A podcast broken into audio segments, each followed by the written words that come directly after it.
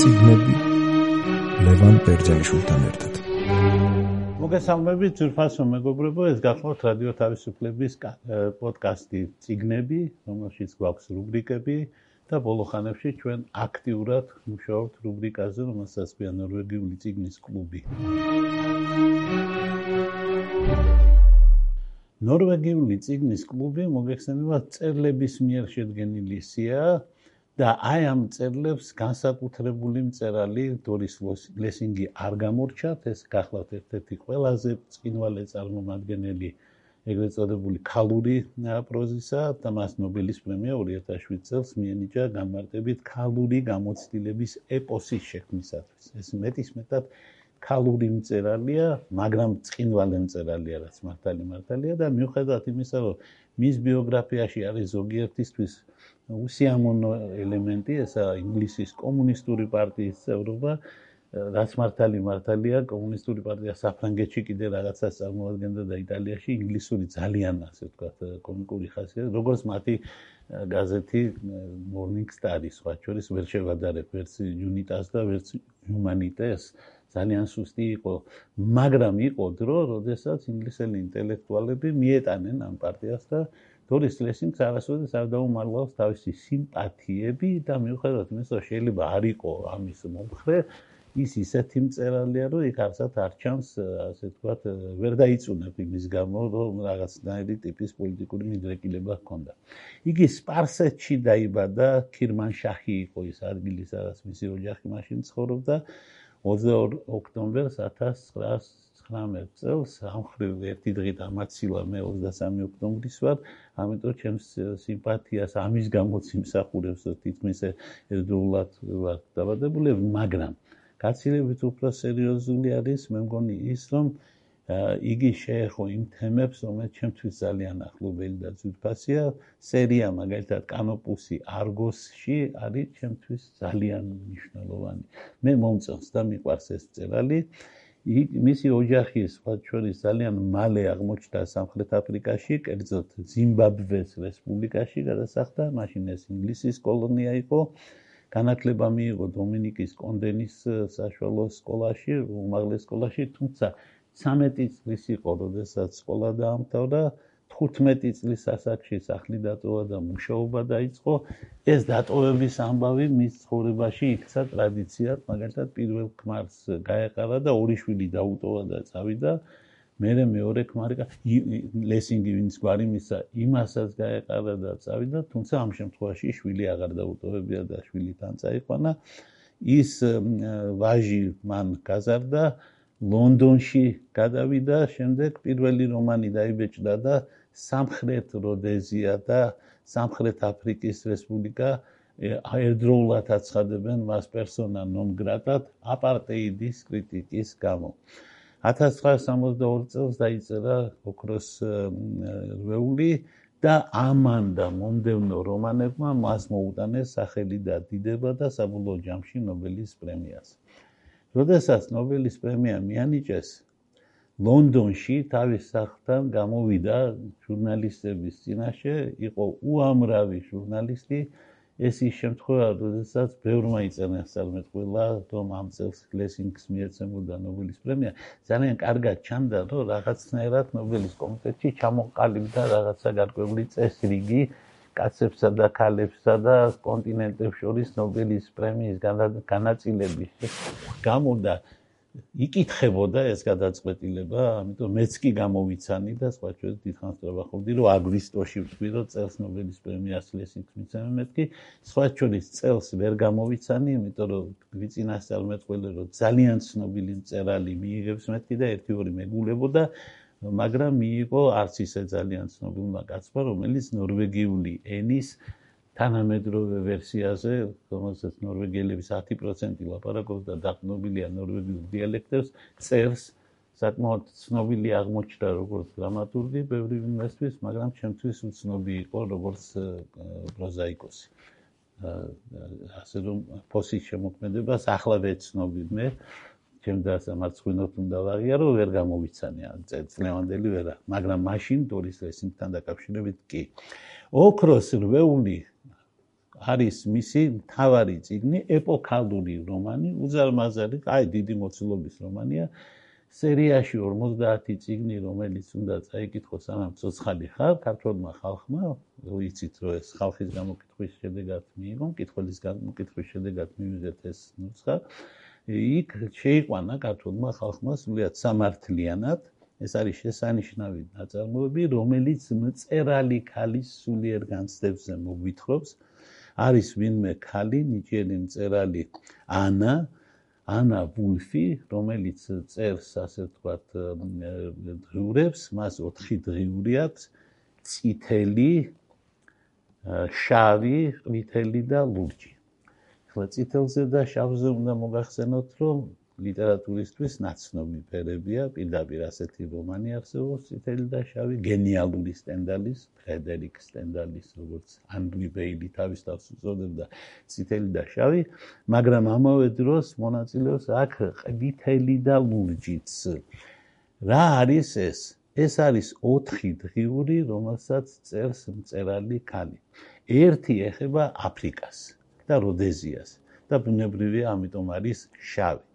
მეორე ეხება კომუნისტურ პარტიას და ბუნებრივია, ამიტომ არის წითელი. შემდეგ მოდის სასიყვარულო წერილები და საერთოდ სიყვარულთან და ემოციებთან დაკავშირებული ყვითელი რბეული და ამას მოყვება მოგონებებისა და ოცნებების ლურჯი რბეული. ასე სულიად ნათელია, რომ ფერები ძალიან სამართლიანად ისე არის ფუნქციონირებით გადამოცემული, როგორც ეკუთვნის ფერებს, ანუ აფრიკა რო შავი არის ვიცით კომპარტია რო წითელია და წითელი ფერი არის კომუნისტური ფერი ესეც ვიცით. სიყვარულის ფერი რო არის ყვითელი შეიძლება ვინმესთვის სიახლე იყოს თუმცა ინგლისურენოვანებისთვის არა რაც შეეხება ლურჯს და ცისფერს ოცნებების და მოგონებების ფერი რო არის ეს ყველა პატიოსანმა ფერად კინომაც კი იცის და რა თქმა უნდა ისედაც ცნობილია აი ამებს წერს. ამავე დროს წერალი, როდესაც ამის წერას იწყებს, ამბობს, რომ 5 წელი ფიქრობდი იმაზე, როგორ დამეწერა ის თუ როგორ ვწერ. ანუ მწერლებს ძალიან უყვართ ხოლმე იმაზე ლაპარაკი, როგორ წერენ, მაგრამ როგორ წესი ამაზე იწერება რამე სპეციალური არამხატვრული ნაწარმოები, მაგალითად დოსტოევსკის ეს ამ წერლის დღიური ვაჟაფშაველასთვის არის ისე იგი პროდომომია და ასე შემდეგ და ყველას აქვს რა მეტნაკლებად ახლა ჰორაციუსიდან დაწყებული სამწერლობო ტექნიკას თავისას ბევრი აღწერს ხოლმე. მაგრამ დორის ლესინგმა განიზრახა ეს რომანათექცია ამავე დროს იგი წერდა მეორე რომანს რომელიც იყო ლიტერატურული კრიტიკის წიგნი, მაგრამ მან თქვა, რომ ამას დავწერა არა როგორც კრიტიკოსი, არამედ როგორც მწერალი, მწერალი, რომელიც წერს კრიტიკას, როგორც მწერალი და არა როგორც კრიტიკოსი, და უცებ აღმოაჩენს, რომ წერლობის კრიტიკა არის ცხოვრების კრიტიკა და პრინციპში ესაა სწორედ ცხოვრება. ასე რომ ორ წიგნს წერდა ერთდროულად, ერთი იყო დღიურების წიგნი, მეორე იყო, ასე ვთქვათ, კრიტიკის წიგნი. და როდესაც ამ ორ წიგნზე ფიქრობდა, რომელსაც ერთდროულად წერდა, მოულოდნელად მიხვდა, რომ ეს ორი წიგნი ერთი წიგნია. მართალია მე როგორც წესი ორ ტომად გამოიცემა იმოდენა არის ის ერთი წიგნი, მაგრამ ტომებად დაყოფა სვარი და ციგნებად დაყოფა ბუნებრივია სვარი. მან აღმოაჩინა, რომ ერთი ციგნია და ეს ორი ციგნი შეერთდა მისთვის ერთ ციგნად და ამიტომ ეს ფორმა აღმოჩნდა ჩაკეტილი და კლაუსტროფობიული, როგორც მან თქვა და ეს აძლევს საშუალებას, რომ იყოს იმდენად ნარცისული რომ ფორმაში უნდა გამოვლინდეს შინაარსი. და მართლაც ამ რომანში ერთმანეთს ემიჯნება ის ერთი რომანი, რომელიც იყო ასე ვთქვათ, ჩაფიქრებული და მეორეს მხრივ ის 4 დღიური რომელიც მან განიზრახა ამიტომ სულიერი მდგომარეობა მწერლისა ძალიან კარგად აისახა. ესაა მისი შეხედულებები ესაა მისი განწყობები. როგორც გითხარით მან გადმოსცა რომ არსებობს ნიჭიერი მწერალი ქალი ანა ვულფი. ну სულიად გასაგებია რომ გვარი აქ შემთხვევით არა აღებული იმიტომ რომ მან ყველაზე დიდი მისთვის საყვარელი და მნიშვნელოვანი ინგლისელი მწერალი ქალის გვარი აიღო ვირჯინია ვულფის ანა ვულფის ჩანაწერები დროთა განმავლობაში იქცევა ნამდვილ განაცხადად და იგი წერს შემოქმედებითი ჩიხიდან გამოსვლაზე და გამოდის ამ ჩიხიდან და ეხმარება მას ეს ფორმა. ამავე დროს ლესინგი წერს რომ სქესთა შორის ომის უარ იყო მისი განზრახვა, როგორც მკითხველმა მიიღო თავდაპირველად ეს ციგნი 62 წელს ეს ციგნი მართლაც იყო ძალიან სერიოზული გამოწვევა. თუნდაც ამ მართულებით მეტის ეს ყვირილი იყო ასე თქვა ქალის ქალის ყვირილი იყო წერალი წერდა სექსზე წერალი წერდა ჰომოსექსუალობაზე თავისუფალ მოაზროვნე ქალებზე, პოლიტიკაზე, სოციალიზმზე, კომუნიზმზე, აფრიკელების ცხოვრებაზე, მაგრამ ამავე დროს ნელ-ნელა ამ 4 დღეურიდან, სადაც როგორც გითხარით, შავი აფრიკა, წითელი კომპარტია, ყვითელი სიყვარულია და ლურჯი მოგონებებია, დაიბადა ახალი, ასე ვთქვათ, რვეული, ეგრეთ წოდებული ოქროს რვეული, რაც იქიდან გამოდნა, ასე ვთქვათ, და მნიშვნელოვანი გახდა, ის იქცა ოქროთ და ოქრო დაიბეჭდა. როგორც გითხარით, ეს დაიბეჭდა ჩვენთან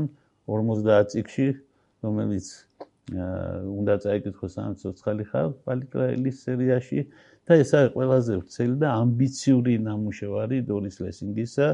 მან როდესმე რაც კი დაუწერია მათ შორის ეს ყველაზე გამორჩეულია. ეს არის ნეჩვეულებათა მისწრაფებათა მღელვარების და ჩვენი დროის პრობლემების პორტრეტირების შედევრი ნამდვილი შედევრი მე 21 საუკუნისა იმ დროისა რომელშიც ჩვენ ცხოვრობთ. ისე იგი წარმოადგენს ფორმის გატეხვის რაღაცა მცდელობას. ისე იგი ფორმა ასეთია, არის ციგნი რომელიც იწერება და არის დღიურები რომელიც იწერა. ციგს ქვია თავისუფალი ქალები და თავისუფალი ქალების ეპიზოდებს თითოეული დღიური 4ჯერ დაუბრუნდება თავის თავს. ანუ თითო დღიური 4ჯერ გამოჩნდება და ესაზღვრება თავისუფალი ქალების ეპიზოდებს, ქმნის არაქრონოლოგიურ ურთიერთ გადამფარავ თავებს, რომლებიც ერთმანეთზე ურთიერთზე მოქმედებენ. და წარმოიდგინეთ, როგორი არის აგებულება, ესე იგი, ერთი რომანი 4 დღიური და ყველაფერ ამიდან რომანიდან და 4 დღეულიდან იბადება ახალი დღეული, ახალი დღეული, ოქროს დღეული. ისე იგი როგორც გითხარით, თითოეული დღეული 4-ჯერ ბრუნდება და მას ემიჯნება რომანის, რომელსაც ქვია თავისუფალი ქალები, ეპიზოდები და აქედან ყველაფერიდან გამოდნება ოქროს დღეული. 4 ფერი შავი, წითელი, ყვითელი და ლურჯი ანალიზის ფერებია, როგორც ხედავთ და ოქრო აგახლავთ სინთეზის ფერი. ანუ სინთეზირებულია ბოლოს, სინესთეზირებულიც კი არის ბოლოს ყველაფერი, რაზეც მანამდე ილაპარაკა. ძირითადი თემები რა არის? ისე იგი უპირველეს ყოვლისა ამას წინა სიტყვაობა აქვს, ისეთ წინა სიტყვაობა აქვს, რომ ნებისმიერ კრიტიკოს შეშურდება, იმიტომ რომ ლესინგი შესანიშნავი ლიტერატურული კრიტიკოსია ყველაფერთან ერთად. და ამიტომ იქვე არის ნათქვამი ძირითადი თემები, უპირველეს ყოვლისა, ყველაზე მთავარი თემა არის ფრაგმენტაცია, ფსიქოლოგიური რღვევა, რომელშიც არის ჩავარდნილი ანა. მისი ფსიქოლოგიური რღვევის თავარი ნიშანი არის სწორედ ფრაგმენტაცია და ცხოვრება დაეყო მას ნაწილებად. ცალ-ცალკე წავიდა სიყვარული, კომპარტია, აფრიკა, აფრიკული მოგონებები, ოცნებები, და ასე შემდეგ, ამიტომ დაიშალა იგი ფერებად და ველებად, მაგრამ მისი ამოცანა ფრაგმენტიზაციას თავი დააღწევს და გადარჩენს როგორც ერთიანი მთლიანი აზროვნება, ესაა სწორედ ოქროს რეულის ამბავი. კაცმა რომ თქვა, ეს ყველა ჩვენგანის ბიოგრაფია, რომელიც ნაწილებათაა დაშლილი და მხოლოდ ასე თქვა, ჩვენს ბოლოს, სიცოცხლის ბოლოს იღებს სინთეზის მხარეს. იმიტომ რომ სულ გგონია რომ შენ ან მუსიკოსი ხარ, ან წერალი ხარ, ან მათემატიკა გიტაცებს, ან ქართული ენა და ლიტერატურა მე ჩემ ცხოვრებას გიყვებით და ბოლოს აღმოაჩენ რომ ერთი ადამიანი ხარ და ეს ყველაფერი სინთეზირებულია ერთმანეთში. ანას შემთხვევაში ეს ნამდვილად ასე მოხდა და ფინალური სტადია მისი ფსიქოლოგიური განწყობებისა ეს არის აი სწორედ უგუნურების, ლამის სიგიჟეს და გათიშულობის ის ხმარობს კომუნისტებისთვის საყვარელ უცხოელი კომუნისტების ჩვენს კომუნისტებს არ ეხება. ჩვენ კომუნისტები მოაზრუნეები არ იყვნენ. უცხოელი კომუნისტებისთვის და სოციალისტებისთვის ასე საყვარელ ტერმინ გაუცხოებას ეს ძირითადად კომუნისტური ტერმინი იყო უცხოეთში ყოველ შემთხვევაში. მისი პერსონაჟები განსაკუთრებით მნიშვნელოვანი ხალხი არის ანა ფრიმან ვულფი მწერალი თავისუფალი ქალების მთავარი გმირი და დრიურების ავტორი და საკუთრებ ისე იგი მისი ძალიან სერიოზული ალტერ ეგო ავტორისა. მაქს ვულფი მისი ყოფილი ქმარი, ჯანეტ ვულფი, ანასა და მაქსის ქალიშვილი. შემდეგ მოლი ჯეიკობსი, მსახიობი, მისი მეგობარი. ამათ ყველას ყავთ, ასე ვთქვათ, თავისი მასწავლებელი, უბრალოდ ხლათ უბრალოდ მასწავლებელი არის თქმის ფსიქოანალიტიკოსი ტკბილი დედილო და არ არის შემთხვევითი არც მისი გვარი მისის მარქსი. სხვა ჩვენის გვარებში და სახელებში იქცევა ცოტა გულუბრყვილოდ როგორც ლევ ტოლსტოი. რომლისთვისაც ბალკონსკი იქნება ვალკონსკი და ასე შემდეგ. ანუ ოდნავი ცნებები უყვარს, ამასაც უყვარს, ასე ვთქვათ, ნათელი მინიშნებები მისის მარქსი, მაგალითად ანასა და მოლის ფსიქოანალიტიკოსი ტკბილი დედილო, ამათ ბევრი რამ აქვს საერთო და მთლიანობაში რას ხედავთ ჩვენ? მთლიანობაში ჩვენ ხედავთ, რომ ლესინგი თავის რომანში ახერხებს ადამიანის ცხოვრების ჯერ დაყოფას თავისივე ცხოვრების ჯერ დაყოფას და მეორე გაერთიანებას. ძნელია ადამიანის მთლიანად გაანალიზება, ამიტომ დოსტოევსკიმ ადამიანი დაყო პერსონაჟებად. ანუ დოსტოევსკის მთლიანობა მაგალითად ეს არის ის რომ ერთი მთხრობელი ყავს იმ ამბავს, სადაც ბევრი ვინმე სხვადასხვა რამეს ამბობს. ამან მისცა დოსტოევსკის საშუალება რომ იყო ადამიანი მაგალითად არც ისე შეყვარებული დასავლეთზე და ეგრეთ წოდებული პოჩვენიკის აპატნიკების მტერი მაგრამ თავის რომანში ამაზე არ ლაპარაკობს იმიტომ მან ყველა მხარე თანაბარი სიყვარულით წარმოადგინა. ანუ მან შეძლო და თავის თავს მოერია სწორედ ის რასაც დოსტოევსკი როგორც გენიოსი აკეთებდა როგორც ყველა წერალი რაღაცნაირად ცდილობდა სინთეზის შეექმნა ანუ ცხოვრება აეწყო პირველად მოხდა, როდესაც ამისი მექანიზმები გაშიფრა დორის ლესინგმა. დორის ლესინგი არა მარტო მწერალია, რა თქმა უნდა, დორის ლესინგი არის ადამიანი, რომელმაც აღმოაჩინა ცხოვრების გაანალიზების შესანიშნავი საშუალება დიდი გავლენა მოახდინა ბევრზე, მათ შორის ჩემზე და მე ვიცი რომ ბევრ ჩემნაირზე, სწორედ იმით, რომ მან გვაჩვენა გზა, როგორ შეიძლება გაუცხოებას თავი დააღწიოს ადამიანმა. ანუ მისმა გმირმა იმოგზაურა ძალიან ბევრი ამბავი არის იქ აღწერილი, ერთი მოლის და მას უამრავი რამ ერთობლივად გადაყვა. რიჩარდ პორტმეინი, მოლის ყოფილი ქმარი და ტომი პორტმეინი, მოლისა და რიჩარდის ვაჟი, ისეთივე მონაწილე არიან ამბებისა, როგორც ანა და მისი ყოფილი ქმარი. ამის მერე არის ისე იგი ანას ყოფილი საყვარელი მაიკლი უამრავი პერსონაჟი არის ამ რომანში. ძალიან მნიშვნელოვანი პერსონაჟები დაყურსულია დიდი ციგნია ბევრი ამბავი არის და ყველაფერი გვაჩვენებს რას რომ ცხოვრება იშლება ნაწილებად მაგრამ თუ თითოეულ ნაწილს გაანალიზებ აღმოჩნდება რომ ოქროს სინთეზია რატომ არის ნახსენები ოქრო აქ არისტოტელია, რა თქმა უნდა, ხო, არისტოტელია, ოქროს შუალედი, ოქროს კბეთი. სილამაზე და მშვენიერება, ანუ სინთეზი არის ოქრო. ხოლო ყველაფერი დანარჩენი სხვა ფერებია და ოქრო ვინაიდან ყველაზე უფრო იმფერს გავს, რომელიც სიყვარულია, ამით გასაგებიც ხდება რა არჩევანს აკეთებს დოლის ლესინგი. რას გვეუბნება პრინციპში დოლის ლესინგის სიგნი? დონის ლესინგის სიგნი მეუბნება რომ ცხოვრებაში ბევრი რამ ხდება ადამიანს ბევრი ინტერესი აქვს მათ შორის არის პოლიტიკური ინტერესი რომელიც არ შეიძლება იყოს ერთი ადამიანის ინტერესი იმიტომ რომ პარტიული ინტერესია შესაბამისად პარტიულობა ან დეტერმინაცია პარტიული გადაწყვეტილებების შესრულება და სხვა ადამიანი მისი თავისუფლება მოდის წინააღმდეგობაში. ამიტომ პარტიულობა არის გაუცხოების ერთ-ერთი სახეობა. ჩემი აზრით, ერთ-ერთი ყველაზე საინტერესო ნაწილი არის წითელი დღიური. იმიტომ, სწორედ იმიტომ, რომ იქ ყოველთვის იგზნობა დაძაბულობა იმის გამო, რომ შენ კოლექტივის წევრი ხარ, რაღაც კოლექტივის წევრი ხარ და მუდმივად გინდა ამ კოლექტივიდან გაიქცე. როგორც ერთხელ თქვა ერთმა დიდმა ავტორმა, ყველა ტოვებს პარტიას.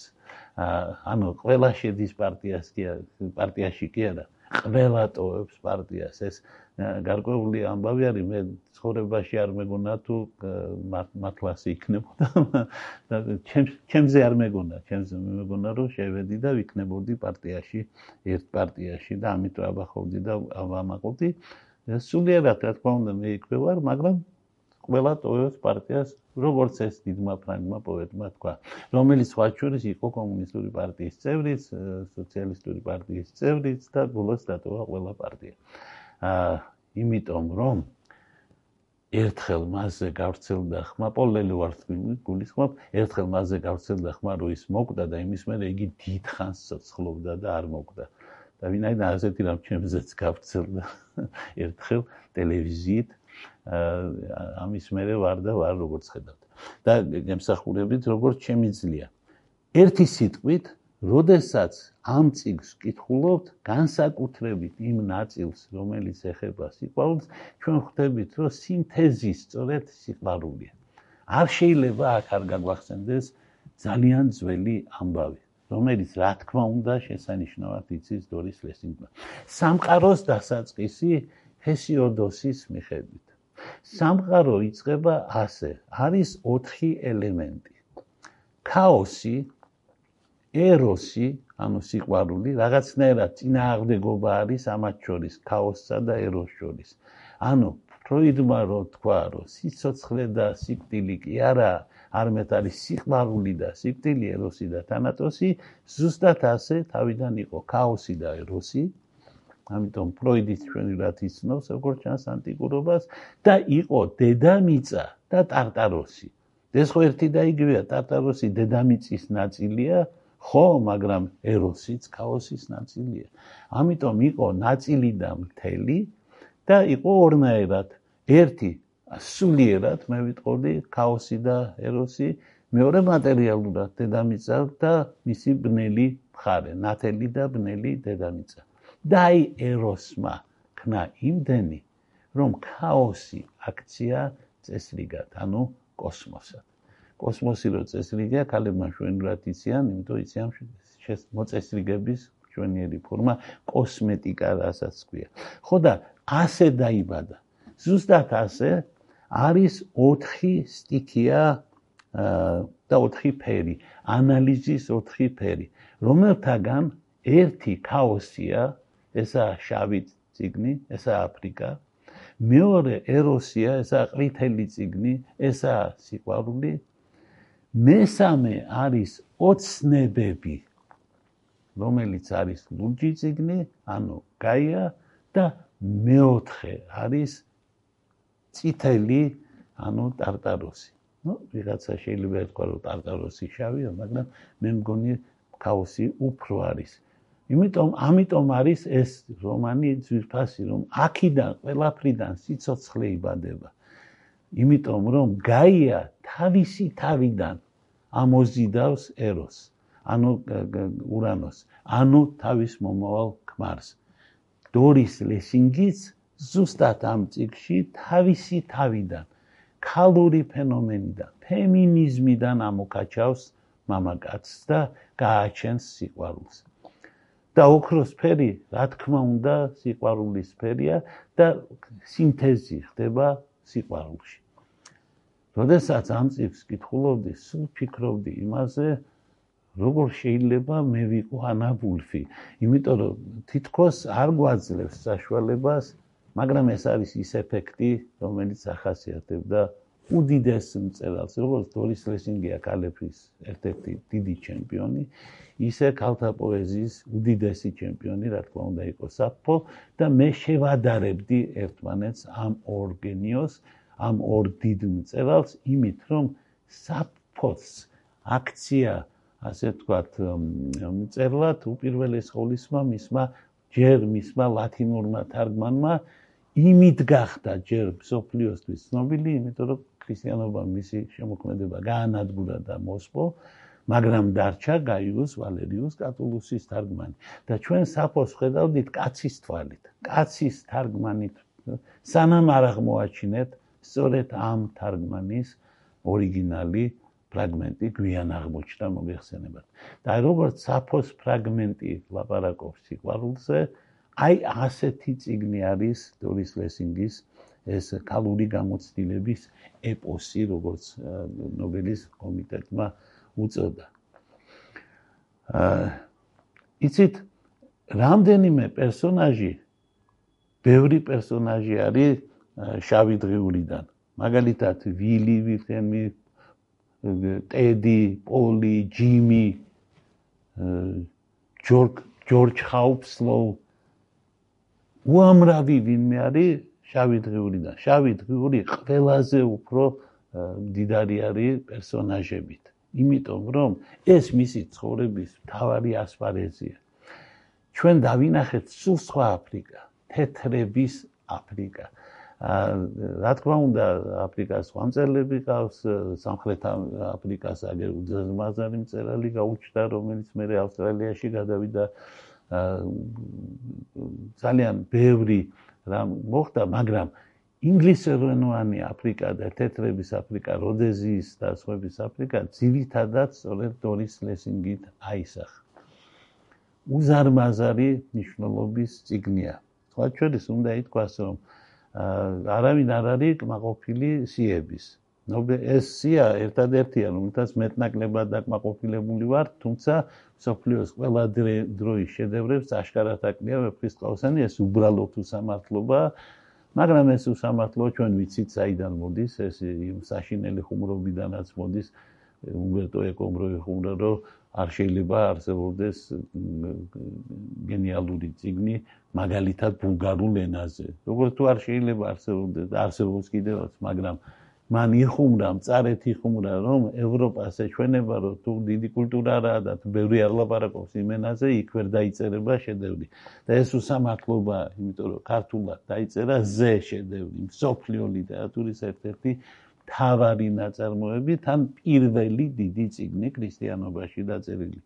ეს ავეფხის ხალხსანი ვერ მოხდა ამ სიაში, ეს მისი ამ სიის ნაკლია, წერლების ნაკლია, ჩვენი ნაკლიც არ ვერ შევძელით ეს მიგვეტანა სოფლიოს, მაგრამ არა უშავს რუსაველი თვითონ გაიყოლავს გზას ნელ-ნელა, ასეც ხდება, ემატება მას სოფლიოში პოპულარობა, მაგრამ როდესაც დორის ლესინგის ნაერ ავტორზე ლაპარაკობ, მაშინაც ხდები რომ მან გახსნა საიდუმლო არა მარტო ქალური ლიტერატურის და არა მარტო თანამედროვე ლიტერატურის. ესაა გზა საერთოდ ანალიზისა ანალიზი ჩვეულებრივ შედგება სწორედ ამისგან ოთხიანისგან რომელიც მოგეხსენებათ ცნობილი აღმოჩენაა სტრუქტურალისტების რომ ყველაფერი იყოფა ოთხად კარტის თამაშიც კი, როდესაც მას ხედავ, შენ შეიძლება ვერ გამოიცნო წესები, მაგრამ რასაც დაინახავ ეს არის, რომ ორი შავი და ორი წითელი, ასე ვთქვათ, განყოფილება არსებობს ჯვარი, ყვავი, აგური და გული. რომელსაც აგურს ხანდახან წკენტას ეძახიან, რა. მოკლედ ეს მომწონს ეს სახელი. ეს ოთხეული აუცილებლად არსებობს, ანუ ორი ოპოზიცია და რომ რომელსაც აუცე, იმიტომ რომ სამყაროს წარმოქმნაში ცხოთხი ელემენტი მონაწილეობდა, რომელსაც აუცილებლად მოყვება სინთეზი, ანუ სამყაროს შექმნა, თვითონ სამყარო, ოქროს რვეული. შესაძლებელია ეს იყოს ძალიან სერიოზული ანალიზი იმისა თუ როგორ იწერება საერთოდ ნებისმიერი ნაშრომიც კი არა თუ ლიტერატურა. უპირველეს ყოვლისა ეს ამ ხატრული ნაწილი, როგორც აქ არის რომანი თავისუფალი ქალები და მეორე სხვა ეს ანალიზი, რომელიც ოთხი ელემენტისგან შედგება და ამ ხუთეულისგან იბადება მეექვსე სინთეზი ოქროს რვეული. ყველა ციგნი, კაცმა რომ თქვას, ოქროს რვეულია, რომელიც ამ გზითაა დაბადებული.